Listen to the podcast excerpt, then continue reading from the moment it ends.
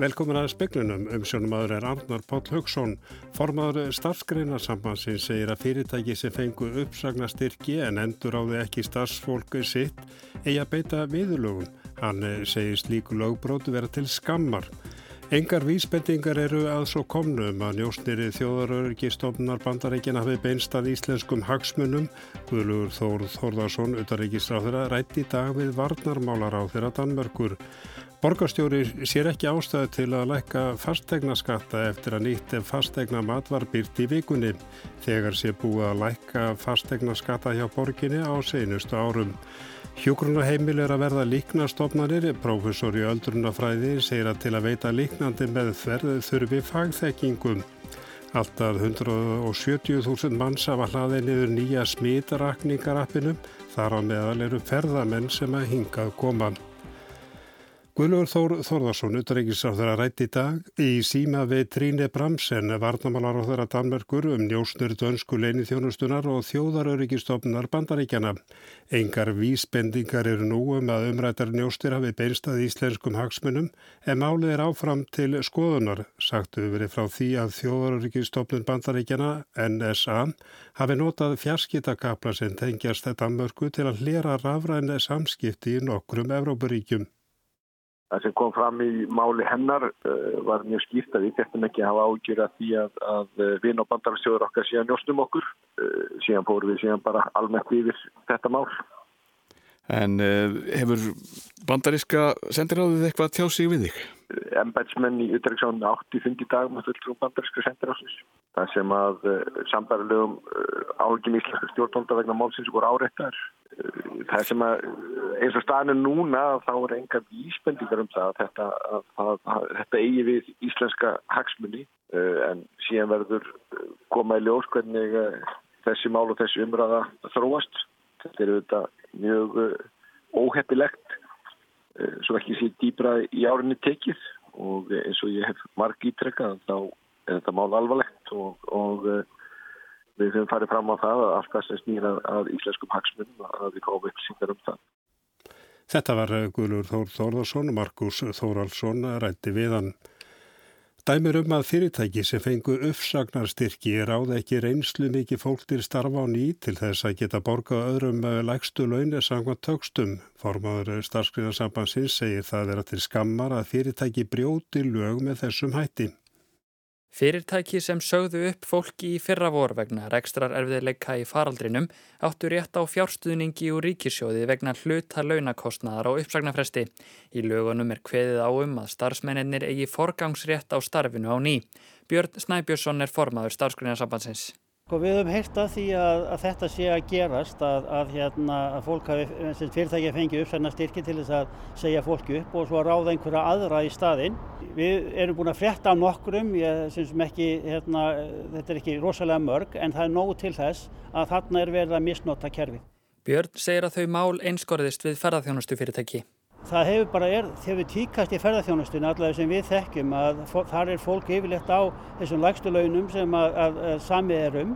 Það eru alltaf einhverjir sem að þurfa að, að hérna, reyna að leika á kjærfinn.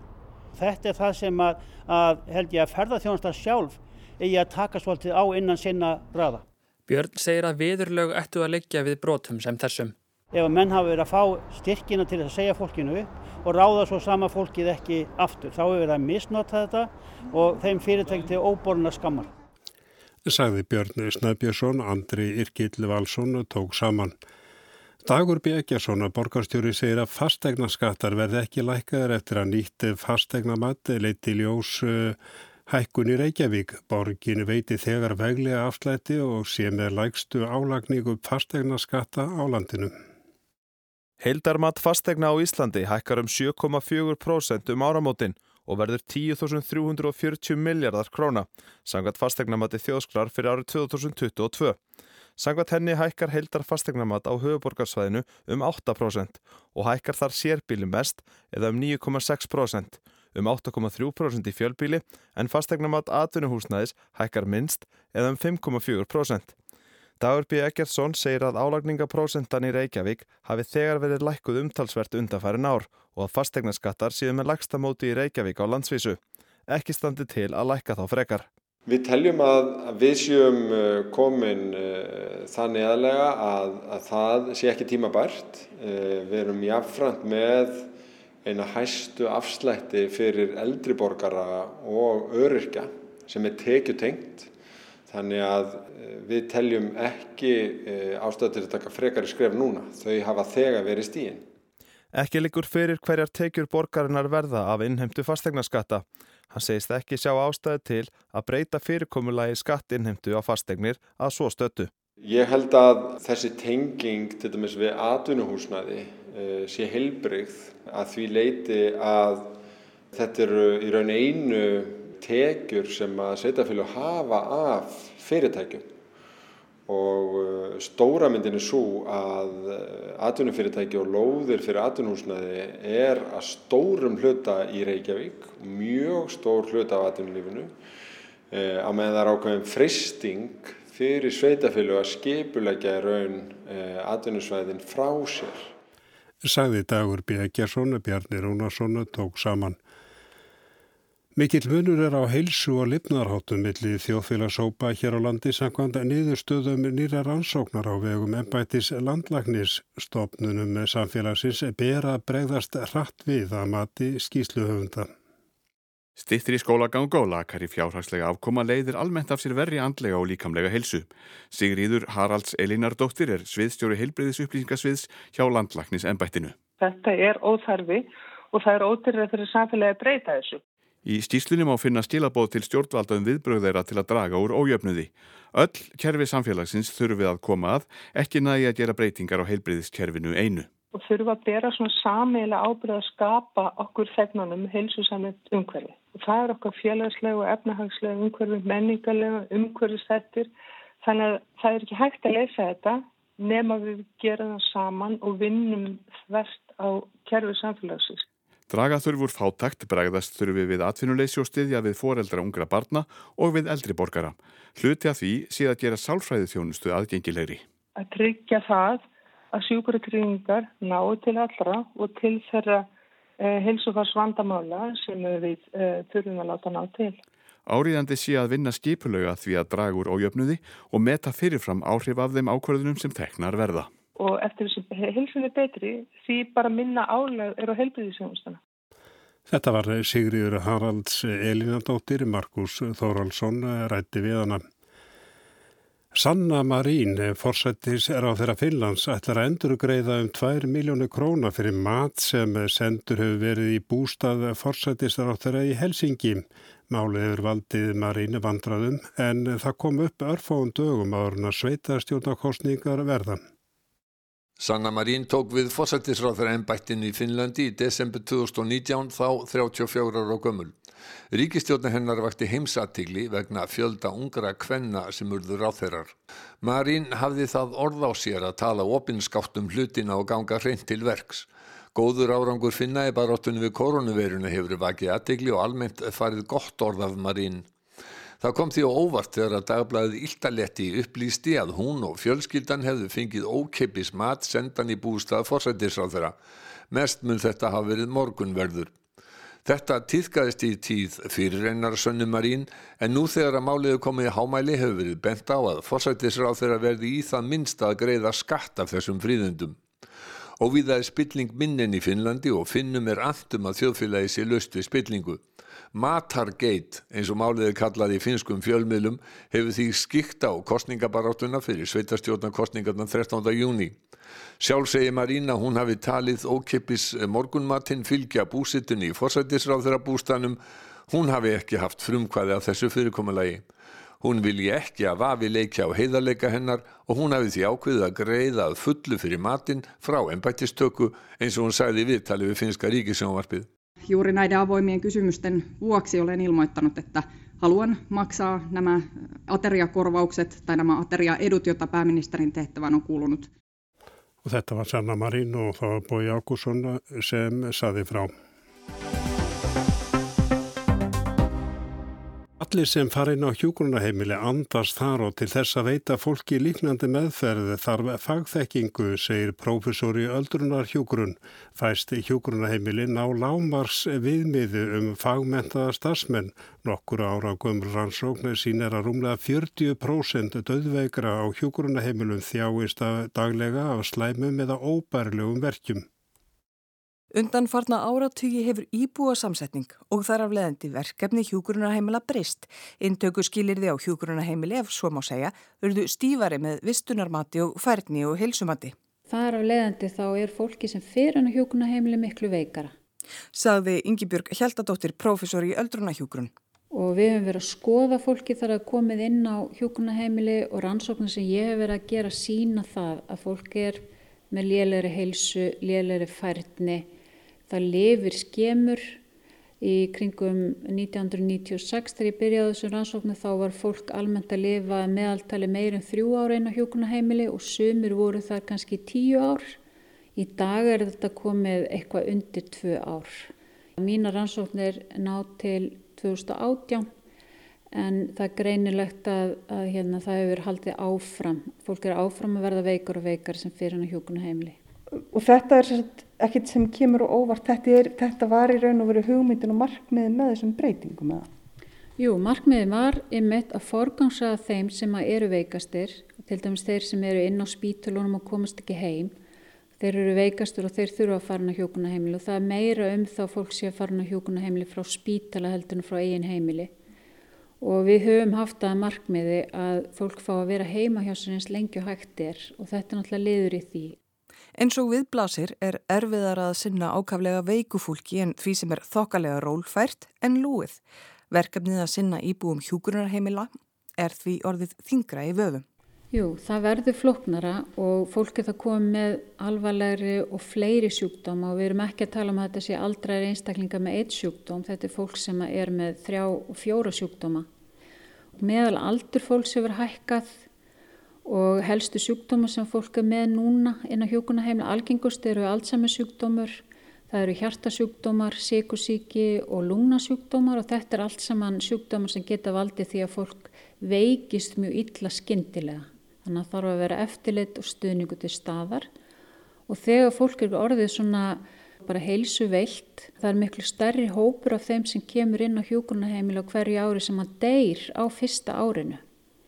Fyrir nokkrum árun síðan þá er það 26% sem dó á fyrsta árinu en núna er það þannig eða allavega til ársins 2014 þá voru sérst 33% af þeim sem komu inn það árið sem dóu á fyrsta árinu. Þannig að fólk er bara rétt komið inn á hjókunaheimili og það er sérst farað að líka banaleguna og deyr svo. Það þýðir það að hverjum tíma er alltaf miklu fleiri sem er að deyja inn á hjókunaheimilunum og þurfa þannig meðferð. Mm það er mjög mikilvægt til dæmis að ef að fólk er með einhverju einkynni þar er að deyja, ef það er með mikla verki, ef það á erfitt með að anda eða önnur óþægileg einkynni þá þarf það að vera þarna læknir sem hægt er að ná í og það þarf að vera hjókunarfræðingur sjúkrarlega til að stýra meðferðinni og við vitum að er, við erum með fullta aðstofufólkin á hjókunarheimilunum og við reynum að fræða það en það kemur ekkert í staðin fyrir það að hafa fagfólk sem stýrir meðferðinni. Þannig eru bæði já, lif sem eru, geta náttúrulega verið hættulega, þeir eru vond með farinn og, og það er erfitt að finna rétt að verkja stillingu í sem tilögum er það ekki? Jú, það þarf að velja verkjalif sem að henda hverjum einstaklingi og það er líka þannig að við ekki, getum ekki kannski verið að gefa fólki töflur því fólk eru það aðfram komið og þá þarf að gefa því að þetta með svona sérstakun livja dælum þannig að það er stöðut verið að dæla lifinu inn. Oft er þetta morfín og líka getur þetta verið morfín með öðrum livjum í blöndu og fyrir eftir bara þörfum hvers og eins. Þannig að það þarf að hafa kunnáttu til spæða fylgjast með því og gera þetta setja upp þessar dælur og fylgjast með því hvernig það er verka Við viljum ekki á íslensku hjókunaheimlu vita af því að aldraður sé að þjást þegar þeir eru að deyja. Við viljum að fólki líði vel, að það sé þjáningarlaust og eigi góðan döta. Er það þannig núna? Sko við, við höfum séða í rannsóknina sem var gerð fyrir nokkrum árum síðan Erlendir sína rannsóknar að þeir sem þjást mest þeir eru að deyja, það er fólk sem er á hjúkunaheimilum og þess vegna gerðum við rannsókn hérna að mistra rannsókn hjá nefnda mínu sem heitir Jóhanna Ósk Eiríksdóttir. Og þá sáum við það að við skoðum sérstaklega íbú á íslensku hjúkunaheimilum sem að voru sérst, þótti ljóst að ættu ekki meir en svona 6 mánuði eftir ólifaða og af þessum hóp þá voru sérst, 61% með daglega verki, sérst, verki á hverjum einasta degi og líka af þeim voru, sérst, þetta fólk var ekkert með litla verki, 42% voru með slæma og óbærilega verki. Og það er náttúrulega mjög mikilt að meðhandla svona verki. Við eigum nóga verkelefum og við getum meðhandla verki og við verðum að gera það. Ingi Björg bendir á að aldraðir kvarti oft ekki mikið undan verkjum þrátt fyrir að vera jafnvel þjáðir. Því þurfum við að spyrja fólk sérstaklega hvort að hafi verki og að auki séum 70% íbúa hjúgrunarheimila með einhvers konar heilabilun. Þá þurfum við starfsfólk að fylgjast vel með fólki og ráða í atferðli þessu andlitsvip hvort það sé með verki. Í fyrirlestri á vegum samtaka fyrirtækja í velferðarþjónustu í síðustu viku benti Ingi Björg á að hjúgrunarheimili stemdu hraðbyrji að verða líknastofnanir. Það sé æskilegt að stefna að því að langsamlega flestir geti verið heima hjá sér á efri árum aðeins þeir sem eru veikastir og þurfi sólarheimstjónustu fari á hjúgrunarheimili. Það þurfi líka manna hjúgrunarheimilin með teiliti til þess. Samkvæmt skýrslu um greiningu á rekstrarkostnaði hjúgrunarheimila frá starfsópi sem að Gilvi Magnússon, hagfræðiprofessor, fór fyrir, ná fæst hjúgrunarheimili lámarksviðmiðum landlæknisembættisins um mentun starfsfólks og almennt ná hjúgrunarheimilin ekki lámarksviðmiðum um hvað íbúum er synd í margar klukkustundir á dag. Hafa þá hjúgrunarheimilin nægilega margt starfsfólk til að sinna svona alvarlega veiku fólki? Sko með við það sem að kemur fram í skýsluna skilfa þá er heldur lítið af fagfólki inn á hjókuna heimilunum og þú þart hjókunafræðing og þú þart sjúkralega til að stýra meðferðinni. Þannig að það þarf að auka við fagmyndun og það sína það allar rannsóknir erlendis að til að hafa gæði, sérst að góða umönun inn á hjókunaheimilum þá þarf ákveðin hlutfall af fagfólki og við höfum séð það líka og í þessum tölum sem við skoðum þegar við vorum að setja mennuna viðmiðin þá sáum við þá eru margtaka niðurstöðu sem við fengum sem síndu það að það var betri útkoma hjá íbúum á þeim hjúkurna heimilum þar sem var betri mönnun. Í lók mæ var greint frá því að heilbreyðisráð þeirra hefði skipað til fjögura ára svo kallað landsráð, starfshóp sem hefur það hlutverk að vera ráðgjafjandi fyrir undibúning ákvarðana um mönnun og mentun í heilbreyðisþjónustu. Ingi Björg bendir á að nú látist nær allir sem dvelja á hjúgrunarheimilum þar, séu ekki sendir á sjúkrahús eins og áður tíðgæðist. Og það krefjist meiri þekkingar og mönnunar að veita líknandi meðferð. Það er að segja, standi vilji til þess að fólki líði vel þegar það liggur banaleguna.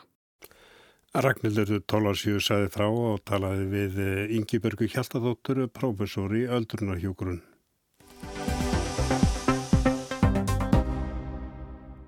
Um 160 til 170 þúsund manns eru nú með nýja smitarakningar appið í símanum sínum.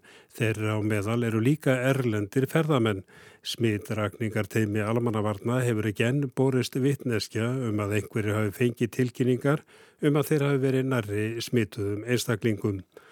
Rúmlega hálfur mánuður er frá því að nýju smitrakningarappi var hleyft af stokkonum. Það tók við af appi sem stuttist við staðsetningargögn sem appið skráði niður og því var hægt að rekja ferðir viðkomandi.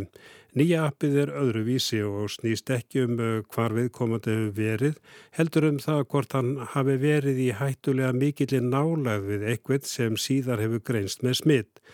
Meginatrið er að í nýja appinu eru engin personu greinaleg gögn. Ólafur K. Ragnarsson, verkefnistjóri hjá Embætti landlagnis, var eitira sem kom að vinnunni við nýja appið. En vita með núna hver reynslan er af því? Við höfum ekki fengið minnar formlegar upplýsingar en þá. Vegna sem við vitum ekki hverji þá tilkynningu ef, ef einhver sendir liklana sína út sem einhver sem hefur smittast en uh, við teljum okkur svona fara að geta séð það næstu eða það næstu viku hvernig hérna, þetta er að nýtast en uh, Við vitum þó að það eru millir 160 og 170 þúsund nót með appið í dag. En er ekki svolítið einkirlegt að þið getið ekki afláð upplýsinga um já, hvernig appið virkar eða hvernig er það? Einu aðgangurinn sem við höfum er að ef fólk sem fær tilkynningu skráið sér í smittgátt þá vitum við, við hverjir hafa, eða sagt hverjir margir hafa fengið tilkynningu út frá því en út frá persónuvendarsjónumöðum og, og, og reglum frá Apple og Google þá sagt, er engin leið að vita hversu margir eða hverjir fá tilkynningu um hugsanlega útsetningu. Þetta er bara sagt, eh, sett í reglur hjá Apple og Google. Heist hefur að sumir vilji helst ekki nota appið mjög mikið vegna þess að það gangir hessilega á ramagnir í símanum. Spurningin er hvernig símin þarf að vera stiltur. Eina sem að appið þarf það er bluetooth-tenging og uh, margir slökkva hafa slökkt á, á Bluetooth þegar það er ekki að hlusta tónlist með heitnatólum eða eitthvað slíkt. Þetta eigðir Bluetooth einhverjir aflöðu en, en hérna, þetta er mun, mun minni nótkun heldur en á fyrra appi á GPS-inum en hérna, við kvitum þá fólk freka til þess að ef það er að fara út á meðal almennis og vil nýta að hafa þá kveikt kannski á Bluetooth þegar það er til dæmis í útskrytarvislinni eða fermingavislinni eða hvað sem það er og, og láta þá appi virka þar. Tilkynningar og appinu berast ekki til smitrakningateimisins heldur einingist til þess sem að hefur það í símanu sínum. Jóhann Björn Skúlason er yfirmaður smitrakningateimis almannavarna en hefur teimið orði vart við að fólk sé að fá tilkynningar. Það hefur bara ekki komið til þess ennþá að, að einhver sem er jákvæður hafi verið með appið eftir að það var sett út og þess vegna hafa er einhverja enga tilkynningar borist ennþá til fólks í gegnum appið. En finnst ykkur þetta óþægilegt eða skrítið miða við gamla appi sem að byggða á já, staðsetningu fólks og það var að reykja ferðir þess fólks? Nei, ég held að þetta sé mun betri lust. Hún gefur rauninni sko veitir fólki aðurunum að það hefur verið nálat smittum sem staðsetningarnar gerðu ekki þess að nýttist það er rauninni ekki, ekki til að ná til einhvers hóp sem hún þekkir ekki. Tilkynningar sem að berast úr öðrum símum segja að viðkomandi hafi verið nálegð við ykkur sem hefur smitast og það er beðið um að sína gátt að fara varlega og fara jafnvel í skímun. Erlendir ferðamenni streyman út til landsins að minnstakosti hefur þeim eh, talsveit fjölgað. En verður teimi vart við það að þeir séu að hlaða niður appinu og eru þeir kvartir til að gera það? Við verðum alveg varfið það að þeir eru að sækja appið og þeir hafa haga því að vera með appið þar sem að þeir fá tilkynningar neikvæða niðurstu senda til sín inn í gegnum appið. Þannig að þeir, við erum alveg, alveg vörfið að þeir eru með appið. Og Jóhann Björn mælir eindrið með því að hlaða niður appinu og nota það. Ég held að þú sért alltaf betur settur þú færið allan að þessa viðvörun. Síðan verður þú þá að meta sjálfur hvaða rástafan þú ætlar að gripa til. Þetta er að raunin búin að færa eins og bara valdið til þín að, að hafa svona, vera upplýstur og og, og grípa til viðandi rástafana.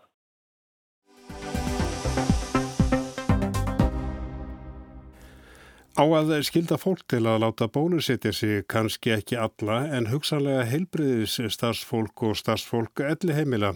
Þetta er ákaftarætt í Breitlandi þar sem bólusetning er farin að hafa áhrif en líka orðin munur á milli landsluta og þjóðfélagsópa eftir því hvort að fólk lætur bólusetja sig eða ekki. Í Breitland er búið að bólusetja tæplega 60% landsmanna gegn COVID-19 einu sinni. Tæp 40% eru full bólusett að fengi tvo skamta. Í takt við hækkandi prosentu bólusettra hefur COVID-tilfellum fækkað færi veikjast alvarlega eða látast af COVID. Það er þó áhyggjaefni að tilfellum er afturfarða fjölga ískikilega víða, engum á svæðum þar sem bólusetning er undir meðalagi, helst rækið til hraðrar útbreyðslu indverska afbreyðseins. Vandin er ekki skortur á bóluefni og að því heldur að á ákveðnum svæðum og í einstökum þjóðfélags- og aldurshópum hefur fólk síður áhuga á að vera bólusett. Ungt fólk, efnalítið og lítið mentafólk, fólk af afrískum og asískum uppruna er síður líklegt til að láta bólusetja sig en aðrir. Nokkuð áhugisamlegt að margir úr þessum hópum sinna heilbriðis og umönnunarstörfum því hætt við að bólusetning starfsfólks sé ekki nógu útbreytt til að veita almennilega vörn. Það lofaði góðu að í byrjun april var búið að bólusetja 94% íbúa elli heimila að minnstakosti einu sinni og það lofaði einni góðu að þá var búið að bólusetja rétt tæplega 80% starffólks elli heimila. En þegar índir í dreifinguna þá er staðan ekki jafn góð. Viðmiðunin er að það þurfi helst að bólusetja ekki færri en 80% til að ná viðunandi vörn en þarna í byrjun april hafði undir 80% af starfsfólki elliheimila í 89 bæjarfélögum þar af í öllum bæjarfélögum höfuborgarnar fengið bólusetningu. Og í heilum 27 bæjarfélögum var þessi prósenda undir 70%. Það gengur hægt að bæta þetta. Þessi ójafna dreifing eigur áhættuna á smiti inni á sjúkrastofnunum og elliheimilum í viðbótu hættu og smiti út í samfélaginu. Einmitt sínilegt nú að tilfellum fjölgar á stöðum þar sem fólk hefur síður tekið tilbóði um bólusetningu. Þessar aðstæður hafa vakið þá spurningu hvort það eigi að koma á bólusetningarskildu. Það er nokkuð ljóst að það er ekki hljómgrunur fyrir almennri bólusetningarskildu en hvað með starfsfólki í heilbriðs og umönunarkerfinu? Ríkistjórnin Breska hefur ekki viljað svara þeirri spurningu um málið í aðtugun síðan í april. Um helginar saði Nadim Sahavi í bóluefnisráð þeirra að það væri ábyrðalöst af ríkistjórninni að kann ekki hvort ætti að skilda fólk í heilbriðs og umununastörfum til að láta bólusetja sig. As, as þeirran svaraði þú ekki spurningunni málið en í aðtugun. Almennt er ríkistjórn íhjálpsflokksins ekki hlind bóðum og bönnum en veirufaraldurinn hefur breytt því eins og flerru. Sahavi nefndi þó að skurrlæknar væru þegar skildugir til að láta bólusetja sig gegn livrabólgu. Spurning hvort ríkistjórnin muni nýta þetta fordæmi fyrir COVID-bólusetningaskildu ákveðina starfsópa. Aðri benda á að það sé mun vanlegra að beita fortölum ræða við fólk, frekar en að skilda fólk til bólusetningar. Bólusetningaskylda gæti gert enn erfiðara að ráða fólk í þessi störð þar sem þegar er skortur á starfsfólki. Það er þó víðar enn í heilbriðskerfinu sem menn hafa áhyggjur af ónóri bólusetningu. Andrew Lloyd Webber er frægur fyrir söngleiki eins og Evítu, Ketti, Óperudraugin og Jésús Krist ofurstjörnu. Í viðbót er hann umsöðamikill í rækstri söngleikjahúsa sem aftur er einn grunnstóðin í hæðkerfi miðborgar höfuðborgarnar og annara breskra borga. Í viðtali við síðdegisblæði Daily Mail bar Lloyd Webber saman bólusetningu og það að keira undir áhrifum áfengis. Engin ætlaði sér að drepa fólk með stút undir stýri en gæti gerst ef fólk hlýti ekki banni við að keira drukkin. Sama með bólusetningu, engin ætlaði sér að smita aðra en við vissum hvað vísindin segðu og rámt að láta ekki bólusetja sig. Nobody's going to go out and, and in deliberately infect anybody with COVID, but it's completely wrong if we know the science. Lloyd Webber nýtti á þessu því þó leikusinn hafi geta opnað um miðjan mæ með skertum sætafjölda og allt eigi að vera opið án veiruhamla frá 21. júni hyggst Lloyd Webber ekki opna sín leikús fyrir ný haust. Vonast á til að jákvæð áhrif bólusetningar verði orðin rækilega ljós. Til þess þurfa um 80% landsmanna að láta bólusetja sig og ákveðnar ef að sendir um að það náist án frekari aðgerða. Sýrund Davistóttir saði frá og í aðtúasemdum veðfræðings kemur þetta fram. Á morgun verður allt hvers suðaustan áttið síðst á landinu og geti valdi aukutækjum sem taka á sig mikinn vind vandraðum. Anna kvöld hversir enn frekar, engum frá markarfljóti að viki Myrdal og gul viðvörun er á þeim slóðum fram á förstu dag. En við sögum frá því í spegnum við kvölda formaður starfsgreinarsambansinn segir að fyrirtæki sem fengu uppsagnara styrki en endur á það ekki starfsfólk sitt eigi að beita viðurlögum. Hann segir slík lögbrótu vera til skammar. Og engar vísbendingar eru að svo komnu um að njóstnir þjóðarörygistofnar bandaríkjan og Dana hafi beinst að íslenskum hagsmunum. Guðlugur Þór Þórðarsson, utaríkisáþra, rætti í dag við varnamálaráþura Danmerkur.